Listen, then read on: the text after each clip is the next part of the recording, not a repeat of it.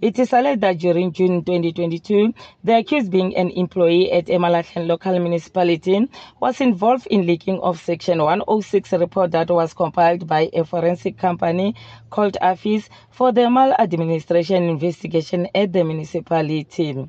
The forensic company individual was paid by a municipal official an amount of 8,700 rand to access the report.